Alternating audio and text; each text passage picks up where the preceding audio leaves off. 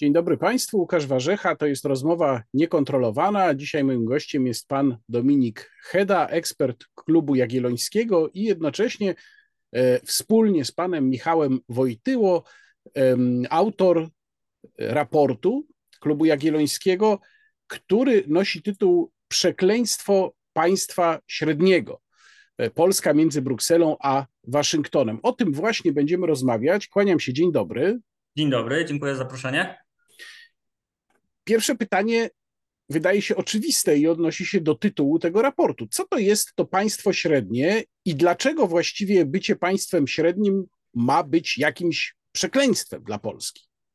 Mhm. E, ja myślę, że można na definicję państwa średniego patrzeć co najmniej w dwóch płaszczyznach. Pierwsza płaszczyzna to jest taka płaszczyzna związana z pewnymi obiektywnymi danymi. Tak? Jak sobie spojrzymy na takie absolutnie podstawowe dane, PKB, liczba ludności i tak dalej, to Polska w Unii Europejskiej jest mniej więcej na piątym, szóstym miejscu. Na świecie, jeżeli chodzi o PKB mm, per capita i ludność, to jesteśmy około 40 miejsca. Jeżeli chodzi o, o PKB globalne, mm, to jesteśmy gdzieś na 20, chyba pierwszym miejscu nawet teraz. Także pukamy do drzwi G20, można powiedzieć, górnolotnie. Natomiast to jest oczywiście takie skrajne, uproszczone postrzeganie. Mnie się wydaje, że, że, że, że to bycie państwem średnim chyba trochę powinno być inaczej rozpatrywane. To znaczy, powinno być rozpatrywane przez pryzmat pewnych naszych nieusuwalnych interesów, które mają obiektywny charakter bez względu na to, jaką prawda, ktoś wyznaje orientację polityczną, e, czy też jakie ma poglądy na, pe na, na pewne sprawy. To znaczy, wydaje mi się, że mamy co najmniej dwa takie obiektywne interesy. Po pierwsze, to jest kwestia związana z e, wyzwaniem, jakim jest dla nas transformacja energetyczna. I ona jest obiektywna, ona po prostu wynika z naszego miksu energetycznego, z tego skąd pozyskujemy energię, jakie są koszty związane z tą transformacją i tak dalej. E, I z tego, i z naszych powiązań gospodarczych z Unią Europejską też, to, to też jest e, z tym bardzo mocno związane. I drugi aspekt to jest nasza sytuacja w zakresie bezpieczeństwa, tak? Czyli to, że no na dzisiaj jedynym podmiotem, jedynym krajem, który mógł, może czy mógłby nam udzielić wiarygodnych gwarancji bezpieczeństwa są Stany Zjednoczone. E, I to są nasze dwa nieusuwalne interesy, e, które, tak jak powiedziałem, są niezależne od tego, jak, jaką ktoś prawda, ma preferencję polityczną, i które powodują, że my z jednej strony, jako, jako państwo średnie, nie mamy mm, takiej, takiego pola manewru, takiej siły przebicia, tak to nazwijmy, w gremiach decyzyjnych, szczególnie unijnych gremiach decyzyjnych, a z drugiej strony po prostu nie możemy zgodzić się na to, żeby te, te, te nasze podstawowe interesy odpuścić, bo one po prostu dotykają jakby samej istoty naszej przyszłości, naszego modelu gospodarczego, naszego bezpieczeństwa. I to jest, tak myślę, że można zdefiniować to przekleństwo państwa średniego, czyli państwa, które jest na tyle duże, ma na tyle duże interesy, że musi o nie, w cudzysłowie oczywiście, walczyć, ale z drugiej strony jest na tyle e, w pewnym sensie słabe, ma na tyle, e, na tyle nie dorasta prawda, do obrony tych swoich interesów z przyczyn obiektywnych, że jest mu potwornie trudno te interesy realizować. E, a jednocześnie nie może po prostu ich odpuścić. E, to ja bym, to... zapytał, ja bym mhm. zapytał może trochę przewrotnie. A gdyby Polska była krajem mm, w skali powiedzmy Słowenii mhm. albo Estonii, czy nam by było wtedy łatwiej? W pewnym sensie to jest to w pewien, w pewien sposób paradoksalne, ale tak, to znaczy jak zobaczymy, e, jak jak zobaczymy, na co się na przykład orientuje Estonia, no to, no to ona ma bardzo mocną orientację pronatowską z przyczyn oczywistych, prawda? E, te jej interesy też ze względu na to, że jest to państwo znacznie mniejsze, ma znacznie mniejsze też, tak to nazwijmy, capacity administracyjne, czy też skalę pewnych problemów, powodują, że ona po prostu może skupić się na dwóch, trzech wybranych dla siebie sprawach i tam próbować, e, tam próbować lobbować, tak? Tam próbować zbierać punkty. Ja teraz mówię przede wszystkim odnoszę się do kwestii polityk unijnych.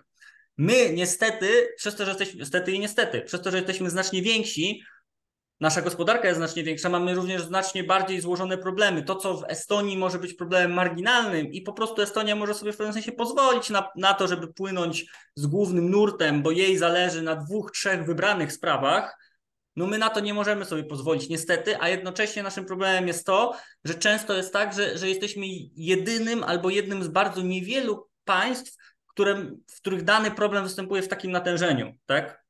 Tutaj polityka klimatyczna jest chyba najlepszym przykładem. Znaczy, żaden kraj nie startuje z tak trudnej sytuacji jak my. Um, i, I żaden kraj nie będzie to dla niego tak kosztowne jak dla nas.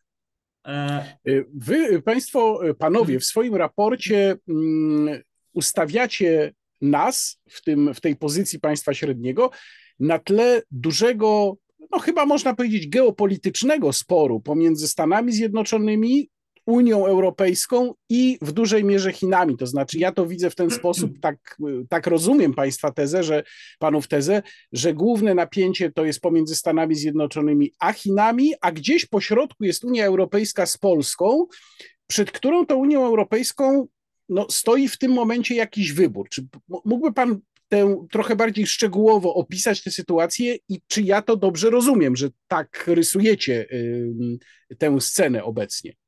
Tak, y, myślę, że mm, tak patrząc z lotu ptaka jest to trafny opis i w największym skrócie y, no, jesteśmy od kilku lat świadkami rosnących napięć między Stanami Zjednoczonymi a Chinami które no, są datowane, taki początek tej gorącej wojny handlowej, tak nazwijmy, bo na szczęście to nie jest na razie gorąca wojna w sensie militarnym. To są sankcje nałożone, sankcje raczej cła nałożone przez Donalda Trumpa, później te, te, ten, ten spór, on przybierał różne odcienie. E, no i gdzieś po środku jest Unia Europejska. Stany Zjednoczone ewidentnie obrały kierunek, e, którego celem jest ograniczenie potencjału rozwojowego Chin w kluczowych technologiach. To jest bardzo ważne, bo myślę, że u nas dużo się mówi o, o jakimś, prawda, zerwaniu połączeń gospodarczych z Chinami, o e, no, po, pojęcie decouplingu jest już popularne, ale o takim, prawda, odcięciu się od Chin. Ja myślę, że Stany Zjednoczone wcale tego nie chcą, ponieważ pewne takie nagłe zerwanie relacji gospodarczych z Chinami to, była, znaczy, to byłaby katastrofa dla światowej gospodarki, to trzeba sobie jasno powiedzieć. Znaczy, stopień powiązania Chin ze Stanami Zjednoczonymi, z Unią Europejską globalnego spowodowałby, że, że próba, abstrahując od tego, że to jest po prostu obiektywnie niemożliwe e, w dzisiejszych czasach, że próba takiego nagłego cięcia spowodowałaby no, katastrofalne konsekwencje tej gospodarki. Przepraszam, tu wtrącę dodatkowe pytanie. A jakie znaczenie ma tutaj kwestia zadłużenia amerykańskiego właśnie w Chinach? Czy ona też decyduje o tym, że to odcięcie jest niemożliwe? Ono ma oczywiście znaczenie. Chiny są największym wierzycielem e, Stanów Zjednoczonych, e, mają największą ilość amerykańskich obligacji, tylko to jest trochę broń obosieczna, no bo po pierwsze można sobie wyobrazić sytuację, w której Chiny, prawda, spróbują sprzedać ogromną ilość obligacji amerykańskich, no, no tylko, że to, to fajnie brzmi, jak się o tym rozmawia, tylko kto miałby kupić te obligacje amerykańskie w tak gigantycznych ilościach? E, oczywiście to by doprowadziło do krachu na rynku tych obligacji, spad, spadku jej wyceny, w związku z czym Stany Zjednoczone musiałyby zaoferować znacznie większe oprocentowanie tych obligacji, żeby móc nowe sprzedać i tak dalej, i tak dalej. Więc to ma na pewno znaczenie, ale wydaje mi się, że znacznie ważniejsze jest to, jakie to miałoby znaczenie, taka nagłe cięcie w relacjach amerykańsko-chińskich dla, mm, dla globalnej gospodarki w sferze realnej, tak? dla, dla wymiany towarowej na przykład. E, więc Stany Zjednoczone po takiej pierwszej fali takich właśnie mm, agresywnych posunięć polegających na nakładaniu ceł za czasów prezydentury Donalda Trumpa przeszły do stosowania bardziej inteligentnych narzędzi, tak to nazwijmy. To znaczy, patrząc na to, co dzisiaj Stany Zjednoczone robią, nakładając sankcje na przemysł technologiczny, na mikroprocesory, wprowadzając e, restrykcje eksportowe, to ewidentnie chcą podciąć długofalowe fundamenty wzrostu e, chińskiej gospodarki w obszarze nowoczesnych technologii. I A przepraszam, jest... czy, to jest, czy to jest Pana zdaniem możliwe? To znaczy, czy to jest skuteczna metoda? Bo ja mam takie wrażenie, że my rozmawiając o tym, no przynajmniej w Polsce, nie do końca mamy świadomość, na ile Chiny są w stanie działać już autonomicznie, a na ile tako, takie odcięcie rzeczywiście spowoduje, że y, no, ten rozwój technologiczny y, Chin padnie. Czy, czy Chiny potrafiłyby tutaj działać po odcięciu tego typu? No to jest doskonałe pytanie. Na pewno Chiny się y, przygotowywały już do tego, robiły duże zapasy starszej, starszej generacji mikroprocesorów, maszyn do ich produkcji. Jeżeli teraz rozmawiamy właśnie o tej sferze, y, sferze mikroprocesorów, która chyba dzisiaj jest takim najgłośniejszym przykładem. Może, żeby nadać troszkę kontekstu, to Stany Zjednoczone w zeszłym roku wprowadziły taki pakiet ograniczeń eksportowych, który w wielkim uproszczeniu zakazuje eksportu do, Stan, do, do Chin najbardziej zaawansowanych maszyn do produkcji mikroprocesorów w tych najnowszych technologiach, e, jak również no de facto zakazały osobom posiadającym obywatelstwo amerykańskie pracować w Chinach i dla chińskich firm przy, przy rozwoju tych mikroprocesorów. I to faktycznie wtedy wywołało panikę, w, e, e, panikę w, może nawet nie tyle w samych Chinach, co w firmach technologicznych, które tam działają. Na to się też dobrze nakłada ten kontekst unijny, o którym Pan wspomniał, ponieważ najbardziej znanym, największym producentem maszyn służących do produkcji tych najbardziej zaawansowanych mikroprocesorów jest holenderska firma SML. E, to jest firma w ogóle z kapitałem takim mieszanym, amerykańskim również. I przez kilka miesięcy toczyły się, również Japończycy są tutaj istotnym graczem, i przez kilka miesięcy toczyły się e, długie rozmowy między administracją amerykańską, holenderską, japońską, której celem było zmuszenie rządów tych państw do wprowadzenia podobnych restrykcji. I teraz, jeżeli, e, jeżeli przechodzimy do rozmowy na temat tego, czy te sankcje, czy też ograniczenia, bo to są ograniczenia, może nie tyle sankcje, są, mogą w ogóle być skuteczne. No oczywiście można powiedzieć, że każde, każde ograniczenie Ale, przepraszam, można obejść. Tak? tylko, tylko, tylko jedno pytanie. Czy, czym się te rozmowy zakończyły? Bo to jest ciekawe. Czy udało no, się zakończyły się tym, że po kilku miesiącach Holendrzy i Japończycy zdecydowali o wprowadzeniu podobnych ograniczeń. Aha, jednak. E, mhm. I to też będzie, myślę, dobra kładka do rozmowy o pozycji Unii Europejskiej w tym wszystkim. E, dlatego, że jak się można domyślić, e, e Unia Europejska, czy też e, elity w Brukseli, w Berlinie, czy w Paryżu bardzo się krzywiły na, na, na to, bo, no bo po prostu Stany Zjednoczone de facto e, zaordynowały, co prawda nie od razu, bo to zajęło kilka miesięcy, e, restrykcje eksportowe dla firm europejskich, prawda? E, I to jeszcze firm z, z gatunku takich topowych, bardzo zaawansowanych. Ale wracając, wracając do kwestii, czy, czy ten plan amerykański w ogóle się może powieść, dzisiaj tego nie wiemy. Bo oczywiście patrząc choćby na sankcje nałożone na Rosję, one są obchodzone, prawda, przez kraje Azji Środkowej, są tworzone jakieś e, fikcyjne spółki, ropa jest dziś przepompowywana na wodach e, międzynarodowych do innych tankowców i tak dalej. Z pewnością chińskie podmioty również podejmują działania celem e, omijania tych restrykcji eksportowych. Zresztą same firmy amerykańskie, Nvidia, tak, znany producent układów graficznych, które z kolei są, są ważne, ponieważ e, bardzo dobrze nadają się do trenowania zaawansowanych algorytmów sztucznej inteligencji e, i na które naniesiono, na, nałożono te, te sankcje, te, te ograniczenia eksportowe przez amerykańską administrację, no nie były zbyt chętne tym ograniczeniom i same lobbowały w Białym Domu, żeby, żeby przynajmniej jakieś okresy przejściowe powprowadzać. Więc to, czy uda się, czy, czy, czy, czy, też, czy te działania mają szansę powodzenia, no to się pewnie przekonamy za kilka lat. Natomiast na pewno to są działania bardziej celowane, bardziej są to bardziej chirurgiczne cięcia niż to, co było w relacjach amerykańsko-chińskich jeszcze kilka lat temu, gdzie po prostu nakładano cła na całe grupy towarów. Patrząc na, na, na trajektorię amerykańskich relacji, no to amerykańskiej polityki wobec Chin, no to widać, że po pierwsze właśnie starają się ograniczyć potencjał wzrostu Chin w tych kluczowych technologiach przeszłości sztuczna inteligencja, e, zaawansowana właśnie elektronika, która później e, z kolei ma oczywiście przełożenie na kwestie systemów bojowych, a jednocześnie no, stara się budować mm, koalicję szerszą państw, które, które może nie tyle będą antychińskie, co, co, nie, będą, co, co nie będą otwarcie prochińskie, tak? I to do, dobrze było widać w czasie tego szczytu G20 ostatniego, e, gdzie było przecież spotkanie prezydenta Bidena i, i E, lidera e, Indii, Narendra Modiego. E, więc to jest takie dwutorowe działanie. I teraz gdzie w tym wszystkim jest Unia Europejska? Unia Europejska jest. Przepraszam, jeszcze, jeszcze zanim powiem o Unii Europejskiej. Czy ten interes polegający na próbie odcięcia Chin od amerykańskich technologii można uznać za absolutnie trwały element polityki amerykańskiej, który będzie na miejscu niezależnie od tego, kto po przyszłorocznych wyborach zasiądzie w Białym Domu? Wydaje mi się, że tak.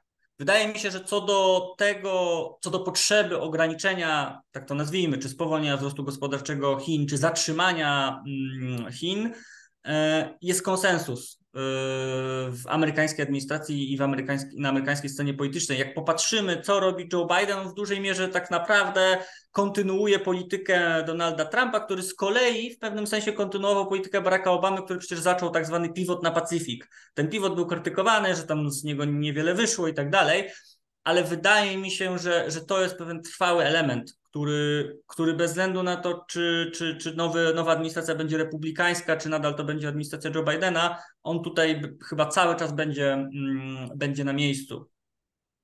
I teraz przechodzimy wró- do Tak, wróćmy teraz do właśnie mhm. do, do Unii Europejskiej. Unia Europejska, musimy sobie zdać sprawę z tego i, i, i trochę sygnalizujemy to w, w raporcie, o którym Pan wspominał, jest tak naprawdę oprócz Chin największym zwycięzcą y, ostatnich 30 lat, jeżeli chodzi o globalizację. Teraz mówię Unia Europejska jako całość, nie, nie odnoszę się do poszczególnych państw, bo to różnie w różnych państwach wyszło oczywiście. E, Unia Europejska niesamowicie skorzystała na globalnym otwarciu rynków, niesamowicie skorzystała na tym, na liberalizacji handlu, na zniesieniu, na ograniczeniu stawek celnych. Unia Europejska, będąc, e, mając zaawansowany przemysł, e, mając nowoczesną gospodarkę, jednocześnie nie mając hard power, tego, które mają Stany Zjednoczone, robiła doskonałe interesy mm, z całym światem. No tutaj najlepszym przykładem, zresztą już od dawna wskazywanym, no jest niemiecki model gospodarczy, prawda, który opierał się na tanich surowcach e, z Rosji i, i rynkach eksportowych, a jednocześnie dzięki walucie euro, która była zbyt słaba w stosunku do niemieckiej gospodarki, pompował dodatkowo konkurencyjność eksportową Niemiec na, mm, na rynkach pozaunijnych. E, I, I ten model przyniósł Unii Europejskiej niesamowity wzrost.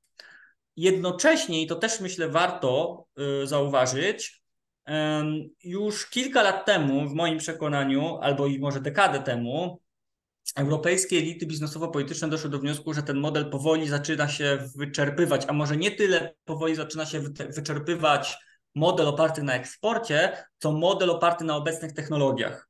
I to było jedną z przyczyn Europejskiego Zielonego Ładu i całej polityki klimatycznej, czyli próba odgórnego przestawienia mm, modelu gospodarczego Unii Europejskiej na zielone technologie, które okresie przejściowym e, będą zasilane tanimi, e, to w szczególności był niemiecki pomysł, tanimi e, paliwami kopalnymi z Rosji. One w tym czasie zostaną dopracowane, te zielone technologie, wyskalowane.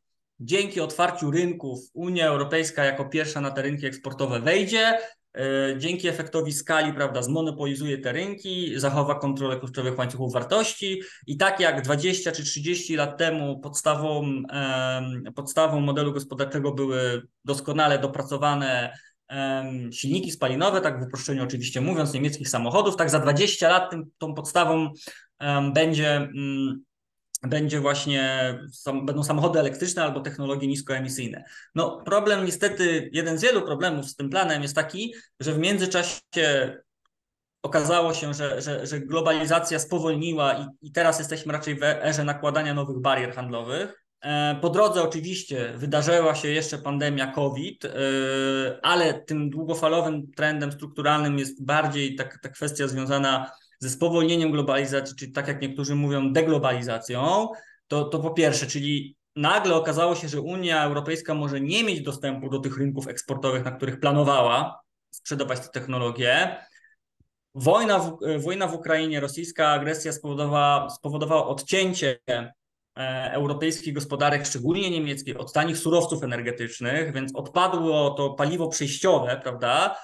A po trzecie jeszcze amerykańska administracja w sumie postanowiła zrobić podobną rzecz, czyli uruchomiła własny program masowych subsydiów dla zielonych technologii e, w postaci między innymi tej słynnej ustawy Inflation Reduction Act, e, no, które słusznie bądź nie, e, no, można dyskutować czy, czy słusznie, wywołały wśród części elit polityczno-biznesowych Unii Europejskiej panikę, tak, że oto po pierwsze skaczą nam ceny energii, skaczą nam ceny surowców, po drugie ograniczany jest dostęp do naszych rynków, a po trzecie, amerykańska administracja nagle zaczyna zwiększać konkurencyjność swoich własnych firm, udzielając im subsydiów. I to spowodowało, że Unia Europejska znalazła się w bardzo niekomfortowym dla siebie położeniu, bo z jednej strony jeszcze, mamy te... jeszcze jedno pytanie, bo powiedział Pan o, tych, o tym, że zostaje zamknięty dostęp do tych rynków, na których przede wszystkim Niemcy chcieli skorzystać, ale nie hmm. tylko Niemcy. Inne, niektóre inne kraje Unii Europejskiej także. E, zastanawiam się, jakie znaczenie tutaj ma e, konsolidacja, no przynajmniej tak ja bym to oceniał, tej powiedzmy drugiej strony geopolitycznego sporu. Na moim kanale tydzień temu była rozmowa z doktorem Wojciechem Szewko y, na temat poszerzenia BRICS, jeżeli dobrze pamiętam, o sześć nowych państw. Tak.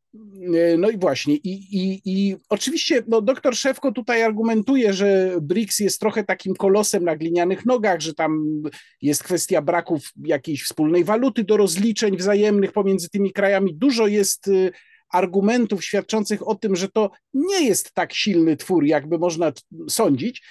No ale jednak z drugiej strony widzimy chyba ten proces konsolidacji tej, właśnie umownie mówiąc, drugiej geopolitycznej strony. No tak, to mówi się o tym globalne południe, prawda? Eee, czyli kraje, które, tak jak się kiedyś mówiło, kraje trzeciego świata, teraz się mówi globalne południe. Eee, I na pewno no, ten szczyt BRICS odbił się szerokim echem właśnie ze względu na zaproszenie sześciu nowych państw tak, do, do, do, do szczytu, do, do, do uczestnictwa w tym formacie. Natomiast wydaje się, że podstawową słabością tej grupy jest to, że w gruncie rzeczy te państwa niewiele łączy tak naprawdę. To znaczy, wydaje się, że jedynym krajem, który jest zainteresowany, jeżeli w ogóle tak naprawdę jest zainteresowany, gwałtowną przebudową obecnego porządku gospodarczego, to jest Rosja. Pozostałe kraje Wydaje się, że one wcale nie są do końca zainteresowane tym, żeby ten porządek zburzyć i zbudować jakiś nowy, alternatywny. One bardziej są zainteresowane tym, żeby nieco zmodyfikować obecne reguły. Eee, zresztą to widać w różnych, w różnych wypowiedziach. Zresztą najlepszym przykładem były chyba Indie, które no są członkiem BRICS-u, a jednocześnie teraz e, gościły szczyt G20 gdzie, gdzie właśnie było spotkanie liderów Stanów Zjednoczonych i Indii, gdzie była mowa o stworzeniu tych korytarzy. No, oczywiście to jest bardzo e, ogólny pomysł na razie bez żadnego finansowania, ale gdzie była mowa o stworzeniu korytarzy transportowych z Indii przez Bliski Wschód do Europy, gdzie była mowa o zwiększonej pomocy rozwojowej. Indie, Indie ewidentnie uśmiechają się i do, i do pozostałych członków BRICS, przede wszystkim Rosji i Chin, i do Stanów Zjednoczonych. Wydaje się, że tak naprawdę kraje BRICS nie są zainteresowane e, jakimś gwałtowną przebudową obecnego modelu. To, czego one nie chcą na pewno, to nie chcą, żeby musiały wybierać, tak? Bo dzisiaj trochę jest tak, że przynajmniej mm, był taki moment, że Stany Zjednoczone chciały kazać wszystkim wybrać. Znaczy musicie wybrać, czy jesteście z nami, e, czy jesteście z autokracjami, tak? Tak stąd się wziął ten, ten, ta inicjatywa prezydenta Bidena Summit for Democracies bodajże, taka jest jej nazwa. E, wydaje się, że to, czego kraje BRICS najbardziej nie chcą, to właśnie, żeby być postawione pod ścianą i żeby zmusić ich do wyboru. I dlatego są w stanie pracować ze sobą pragmatycznie tam, gdzie, tam, gdzie mogą. Też co jest istotne, jak popatrzymy na to, na kompozycję tych państw, nawet jeżeli już weźmiemy pod uwagę te dodatkowe kraje, Zjednoczone Emiraty Arabskie, Arabię Saudyjską, Iran, Etiopię, Egipt i Argentynę. Swoją drogą Argentyna prawdopodobnie do tej grupy była dołączona tylko dlatego, że Brazylia to wymusiła Inaczej Brazylia by się nie zgodziła na dołączenie innych krajów, szczególnie z Afryki właśnie. To tak naprawdę te kraje poza handlem surowcami niewiele łączy między sobą. Te powiązania między nimi, one są, one są dosyć luźne. Wspomniał Pan o, wspólnej, e, o próbie stworzenia wspólnej waluty. To się oczywiście też wpisuje w tą dyskusję o dedolaryzacji. Tylko ekstremalnie trudno jest dokonać dedolaryzacji. No oczywiście Indie dzisiaj na przykład płacą Rosji za przynajmniej za część e, kupowanej ropy w rupiach, tak, w indyjskiej walucie. Tylko, że to jest raczej przejaw słabości Rosji raczej niż chęci e, budowy jakiegoś alternatywnego systemu. No bo co Rosja ma z tymi rupiami zrobić? A dokładnie, dokładnie to samo doktor Szefko mówił w rozmowie na moim kanale. Tak, dokładnie to samo, dokładnie to samo. Natomiast pan powiedział, że mm, kraje BRICS nie chcą być zmuszone do wybierania strony. No oczywiście o Rosję to odstawiamy na bok, bo ona mm, w pewnym sensie sama wybrała, została odcięta od Zachodu. Rosja trochę nie ma też na... wyboru, prawda? Dla niej to jest taka ostatnia deska ratunku. Znaczy lepsze jest to niż nic z jej punktu widzenia. Jakby Rosja oczywiście. też jest oczywiście świadoma, jakie są tam realne interesy w tym formacie.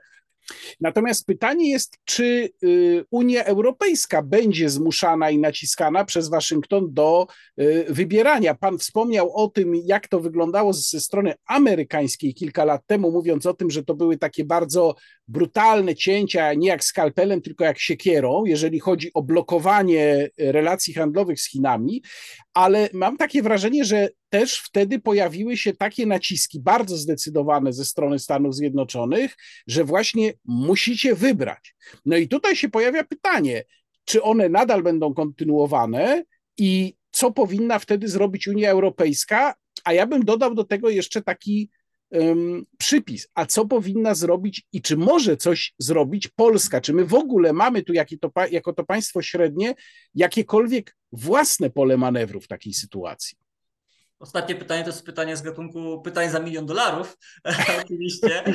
Myślę, że nikt dzisiaj nie wie, e, nie zna odpowiedzi ale, na to pytanie, ale spróbuję, się, spróbuję podjąć tego wyzwania, ale to na koniec.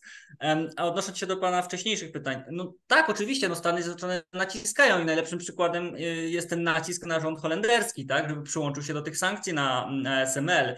Z jednej strony, no Stany Zjednoczone. Mm, uchwaliły tą ustawę Inflation Reduction Act z, z tym pakietem subsydiów, to wywołało oburzenie w Europie, że no tutaj my się zmagamy, prawda, z kryzysem energetycznym, ceny energii rosną, kupujemy bardzo drogą energię również w Stanach Zjednoczonych, przecież LNG, tak, czy, czy ropę um, w Stanach Zjednoczonych, no a tutaj administracja amerykańska wychodzi z takim pakietem, na co administracja amerykańska na samym początku odpowiedziała trochę przewrotnie, że no my nie mamy żadnego problemu, żeby Unia Europejska zrobiła taki sam pakiet. To jest przecież wszystko ku świetlanej przyszłości, żebyśmy się dekarbonizowali. No oczywiście problem subtelny jest taki, że, że Unia Europejska nie ma pieniędzy, żeby taki pakiet sformułować, a gdyby zdecydowała się, no to, to, by, to by potężne napięcia wywołało w samej Unii, bo to by wiązało się z zaciągnięciem kolejnego długu eee, i kolejnym prawdopodobnie impulsem federalizacyjnym. Wydaje się, że tak, wydaje się, że, że Amerykanie naciskają. E, Ursula von der Leyen w trakcie spotkania w Białym Domu, to było bodajże na wiosnę tego roku, mm, uzgodniła pewne zmiany do amerykańskiej, do, do Amery w amerykańskiej legislacji, które miały otworzyć pewną furtkę dla wsparcia również, um, również europejskiej produkcji, która mogłaby pod pewnymi warunkami uzyskiwać subsydia podobne do amerykańskich e, producentów. E, więc więc to nie jest tak, że Amerykanie w ogóle nie wzięli pod uwagę, pod uwagę um, obaw Europejczyków. Niemniej jednak cały czas te kluczowe elementy Inflation Reduction Act pozostają w mocy. Na tym spotkaniu, we wspólnej deklaracji Ursula von der Leyen i Joe Bidena, tam znalazł się taki pasus o tym, że Unia Europejska i Stany Zjednoczone zawrą umowę na, dotyczącą surowców krytycznych, która pozwoliłaby zaliczać um, nawzajem surowce wydobyte w obydwu krajach jako tak zwany local content, tak? czyli na przykład surowce krytyczne, um, na przykład lit, który jest istotnym elementem niezbędnym do produkcji baterii do samochodów elektrycznych, e, dostarczony z Unii Europejskiej, byłby zaliczany jako lokalna, e, lokalny content tak zwany, czyli, czy, czy, czyli mógłby samochód, który posiadałby taką baterię, mógłby korzystać z subwencji e, w Stanach Zjednoczonych, tak? E, więc, więc nie byłby na gorszej, w gorszej pozycji niż, niż samochód wyprodukowany e, w Stanach Zjednoczonych z innych komponentów. No ale ta umowa jeszcze zawarta nie została. Czy zostanie zawarta, to się okaże. Temat będzie dyskutowany mm, relacji unijno-amerykańskich i polityki przemysłowej na najbliższym szczycie Rady Europejskiej w październiku, więc ten temat jest ciągle żywy. E, więc wydaje się, że Amerykanie będą cały czas naciskać, żeby Unia Europejska właśnie nie tyle odcięła się od Chin, bo, bo tak jak powiedziałem, to jest niemożliwe i to byłoby szkodliwe dla samych Stanów, co przyłączała się do tych amerykańskich cięć e, chirurgicznych, tak? Czyli a czy, a czy może być tak, że, że to zagadnienie relacji z Unią Europejską i wymuszenia na Unii Europejskiej pewnych decyzji może być zagadnieniem w nadchodzących wyborach prezydenckich w Stanach Zjednoczonych? Na ile to, to, to może być używane przez kandydatów jako argument? No to jest bardzo dobre pytanie. Ja nie jestem ekspertem od amerykańskiej polityki, ale wydaje mi się, że pewien dylemat, um, pewien dylemat, przed którym stoimy, jest następujący. To znaczy, jeżeli wygra Joe Biden, no to prawdopodobnie, prawdopodobnie obecny kurs zostanie utrzymany, czyli ten kurs można podsumować jako gołębia retoryka przy jednoczesnych, dosyć brutalnych działaniach w sferze realnej. tak to nazwijmy. Ale to wszystko będzie oczywiście opakowane w bardzo ładną opowieść, tak jak to teraz jest robione. Jeżeli zmieni się administracja, e, dzisiaj nie wiemy, kto będzie nominatem Partii Republikańskiej, e, być może to będzie Donald Trump, no to stoimy tutaj przed pewnymi dylematami, prawda? Albo, albo amerykańska administracja stanie się bardziej izolacjonistyczna, skupi się na wewnętrznym amerykańskim podwórku ze wszystkimi tego konsekwencjami, albo wróci do, wróci do e, takiej trochę taktyki, jak pan powiedział, siekiery. E, pamiętajmy, że przecież administracja amerykańska za czasów Donalda Trumpa nałożyła cła na stal eksportowaną z Unii Europejskiej. One później stały zawieszone, te cła po zmianie administracji. E, I to, ale rozmowy, które, które miałyby jakby całkowicie ten problem mm, rozwiązać, cały czas się toczą. To nie jest tak, że ten temat został całkowicie, że tak powiem, zamknięty. One są zawieszone, te cła po prostu na podmioty europejskie. Więc no pytanie, czy, czy wrócimy do, do, do, do właśnie takiej polityki, e, polityki siekiery, ale też może być równie dobrze tak, że Donald Trump, jeżeli on zostanie prezydentem kolejnym Stanów Zjednoczonych, pomny swoich doświadczeń, tak naprawdę będzie w gruncie rzeczy być może z inną retoryką, oczywiście, bo, bo, bo on ma inną retorykę, inny sposób działania w sferze takiej werbalnej, tak to nazwijmy, powróci. Yy, nie powróci, tylko będzie kontynuował politykę prezydenta Bidena. Ja zwracam uwagę, że przecież taki deal niepisany dotyczący odblokowania Nord Stream 2, e, który był blokowany przez administrację amerykańską, to była końcówka e, kadencji Donalda Trumpa. E, a nie Joe Bidena wcale. Joe Biden oczywiście to przyklepał, prawda? Ale jakby pierwsze sygnały na temat tego, że no trzeba się dogadać z Niemcami, to były sygnały wysyłane przez administrację prezydenta Trumpa pod koniec jego kadencji. Więc kto wie, być może pomny tych doświadczeń, tak, yy, on w gruncie rzeczy przyjmie podobną, podobną politykę, co, co, co prezydent Biden, oczywiście z, innym, z innymi akcentami retorycznymi, tak to nazwijmy. No dzisiaj to jest wróżenie z fusów, natomiast wydaje mi się, że, że tak, że nacisk amerykański na Unię Europejską, żeby może nie tyle bojkotowała, ale współpracowała z Amerykanami w zakresie ograniczenia kluczowych technologii, dostępu Chin do kluczowych technologii, do, do, do technologii, które zdecydują o przewagach konkurencyjnych, przewagach militarnych, będzie wzrastał. E, I tutaj pojawiają się poważne dylematy dla Unii Europejskiej, która jednocześnie, będąc gospodarką uzależnioną od rynków eksportowych i jednocześnie mając trudności związane ze wzrostem cen surowców energetycznych i jednocześnie, o tym jeszcze nie powiedzieliśmy, mając duże problemy demograficzne, w związku z czym potrzebuje rynków zbytu, bo po prostu jej własny rynek staje się zbyt mały, no będzie musiała jakoś zaadresować, tak? To też jest taki słoń w pokoju, o którym się mało mówi, że, że Unia Europejska ma dzisiaj duże problemy demograficzne i to nawet nie jest kwestia, to nawet nie jest kwestia, e, powiedziałbym, tego, że Europejczyków będzie coraz mniej, bo to nie będzie tak, że drastycznie zacznie spadać liczba Europejczyków, tylko oni będą coraz starsi, co oznacza, że będzie coraz mniej osób pracujących w wieku produkcyjnym.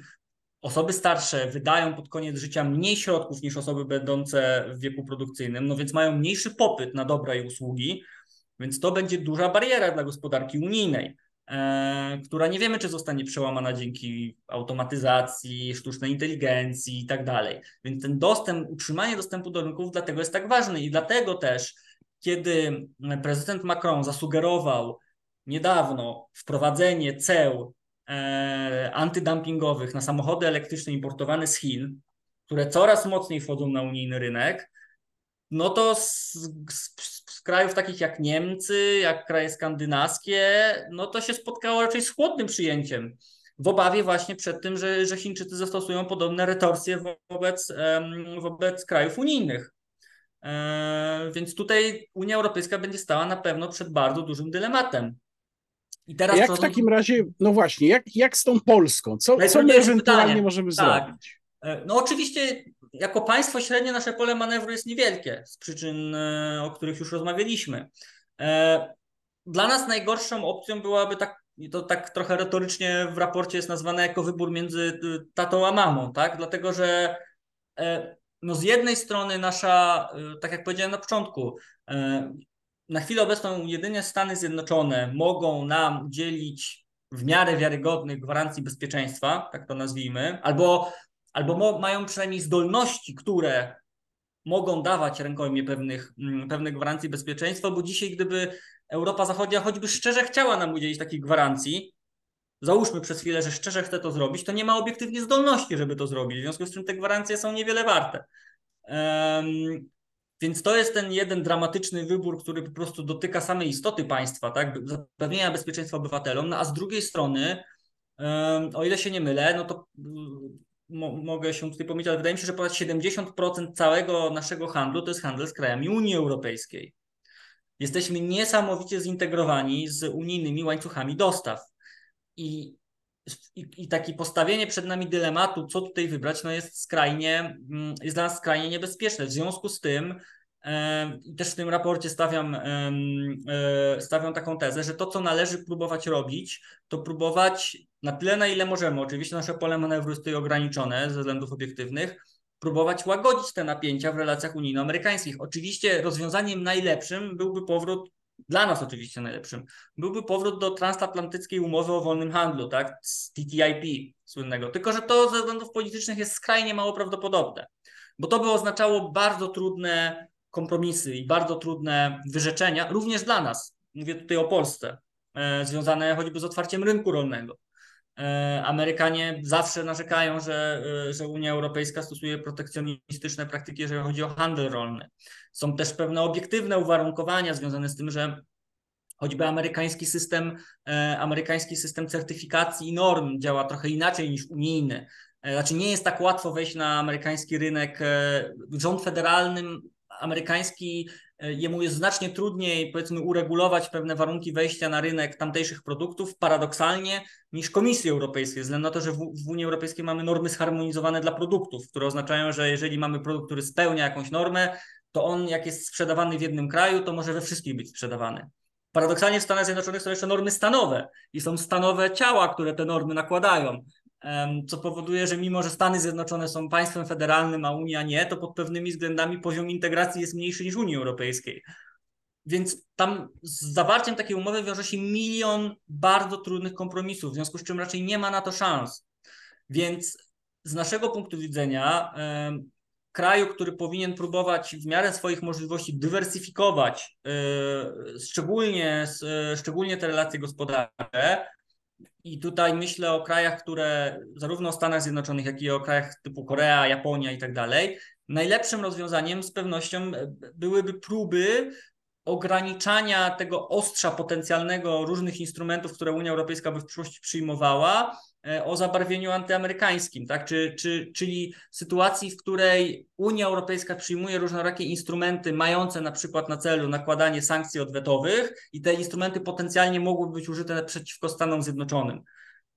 Unia Europejska przyjęła niedawno taki instrument e, Anti-Coercion Instrument, on się nazywa. To jest taki mechanizm, który pozwala nałożyć Unii Europejskiej sankcje na kraj trzeci odpowiedzi na sankcje nałożone na któryś z państw Unii Europejskiej, żeby zmusić ten kraj do określonego działania.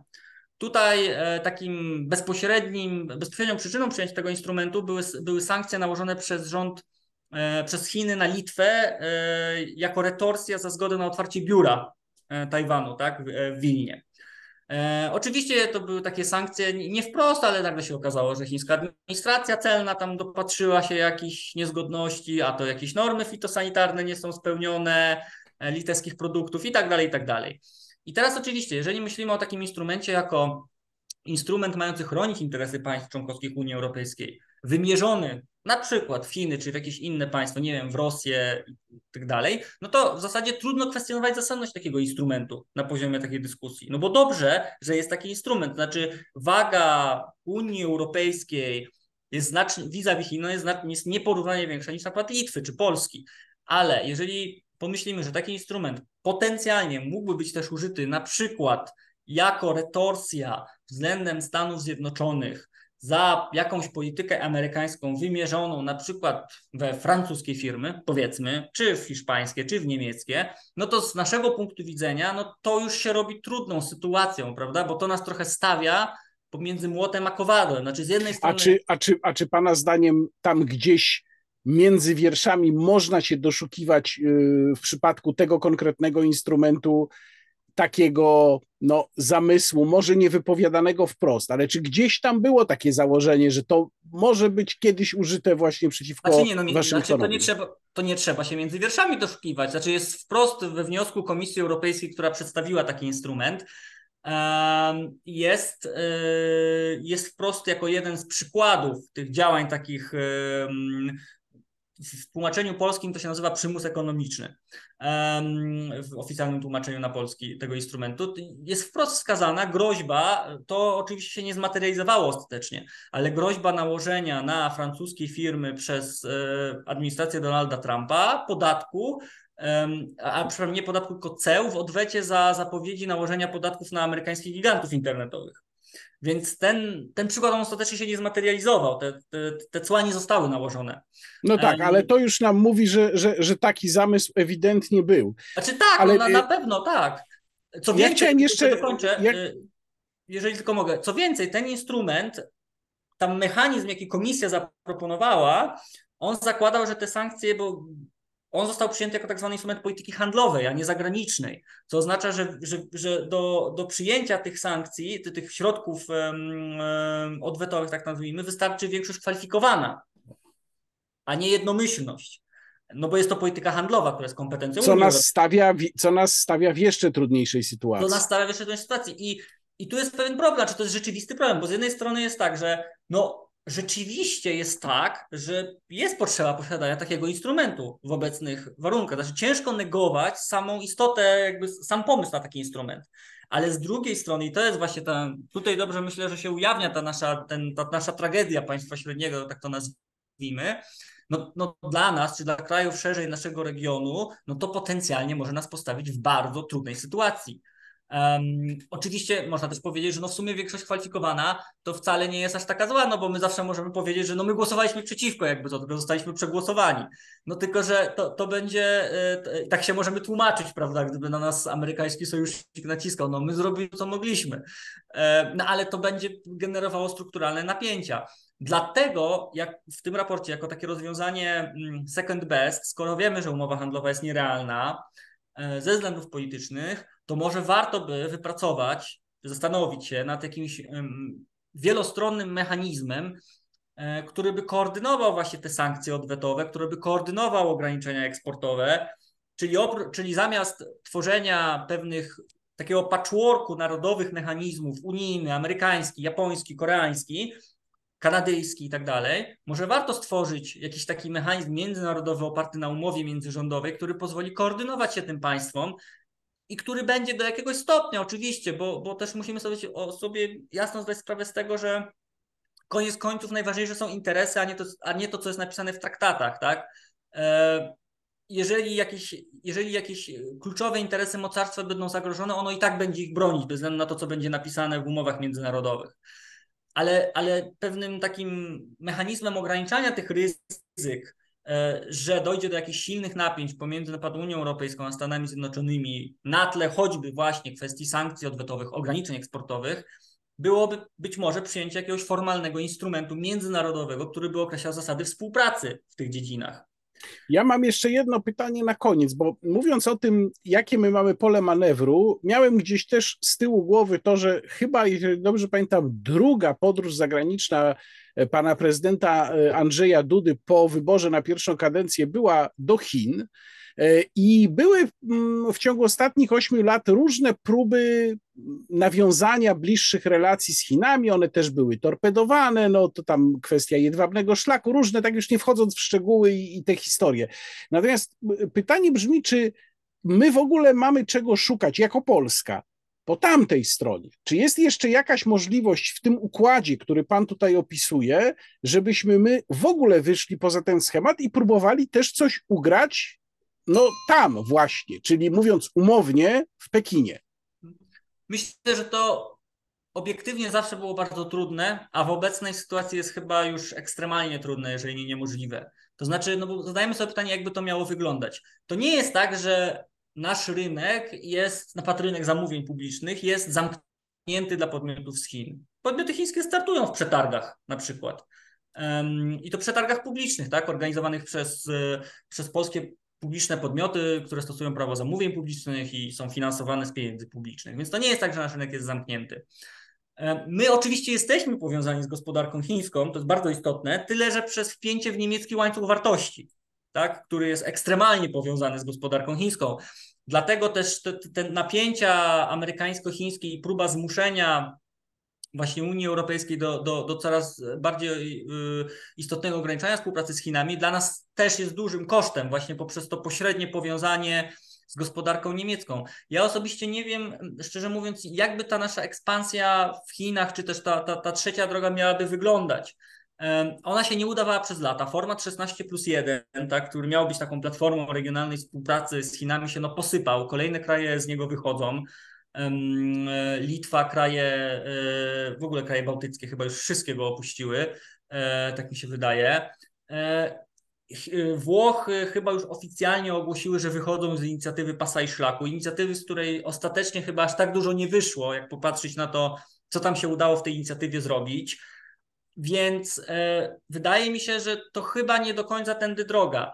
Wydaje mi się, że dla nas potencjalnie znacznie bardziej atrakcyjna może być integracja regionalna z krajami naszego sąsiedztwa i też z krajami sąsiedztwa bezpośredniego Unii Europejskiej, która będzie postępować, e, bo będzie postępować proces rozszerzenia najprawdopodobniej Unii Europejskiej, o czym się mówi coraz głośniej. Tak jak ta komisja nazywała się komisją geopolityczną, to była jej w zasadzie taka oficjalna nazwa, program wyborczy Ursuli von der Leyen, to był właśnie Geopolitical Commission, tak następna, następna pięciolatka, następny cykl instytucjonalny Unii Europejskiej to będzie prawdopodobnie cykl skupiony po pierwsze na reformie wewnętrznej Unii, a po drugie na rozszerzeniu Unii Europejskiej. To znaczy ja się, ja jestem w stanie sobie absolutnie wyobrazić, że do 2030 roku nastąpi kolejne rozszerzenie Unii Europejskiej. Problem, problem, nie problem, polega na tym, że to będzie rozszerzenie prawdopodobnie inne niż te rozszerzenia, do których my jesteśmy przyzwyczajeni. Ono będzie powiązane z reformą Unii Europejskiej, która może być dla nas bardzo trudna politycznie, e, ale też niesie za sobą szanse związane z otwarciem rynków krajów takich jak Ukraina, krajów takich jak Bałkany Zachodnie, Mołdawia, Gruzja i tak dalej. E, więc wydaje mi się, że ta dywersyfikacja, jeżeli mielibyśmy gdzieś jej szukać, to raczej tam niż, niż, niż w Chinach, które gdzie nigdzie nam się tej dywersyfikacji nie udało przeprowadzić. Jest ona dzisiaj ekstremalnie trudna ze względów, e, o których powiedziałem wcześniej, a my i tak jesteśmy z Chinami bardzo głęboko związani, tyle tylko, że przez gospodarkę niemiecką.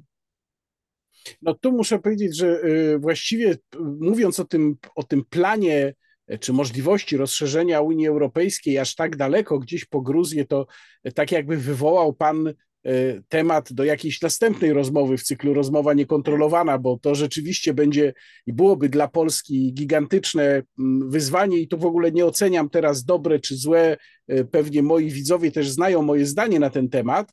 No ale tę rozmowę na tym kończymy. Bardzo dziękuję. Moim gościem był pan Dominik Heda, ekspert Klubu Jagiellońskiego i współautor wraz z panem Michałem Wojtyło raportu Przekleństwo Państwa Średniego, a link do raportu umieszczam w opisie tego filmu. Bardzo dziękuję za rozmowę. Również bardzo dziękuję za zaproszenie. Łukasz Warzecha, rozmowa niekontrolowana. Do zobaczenia.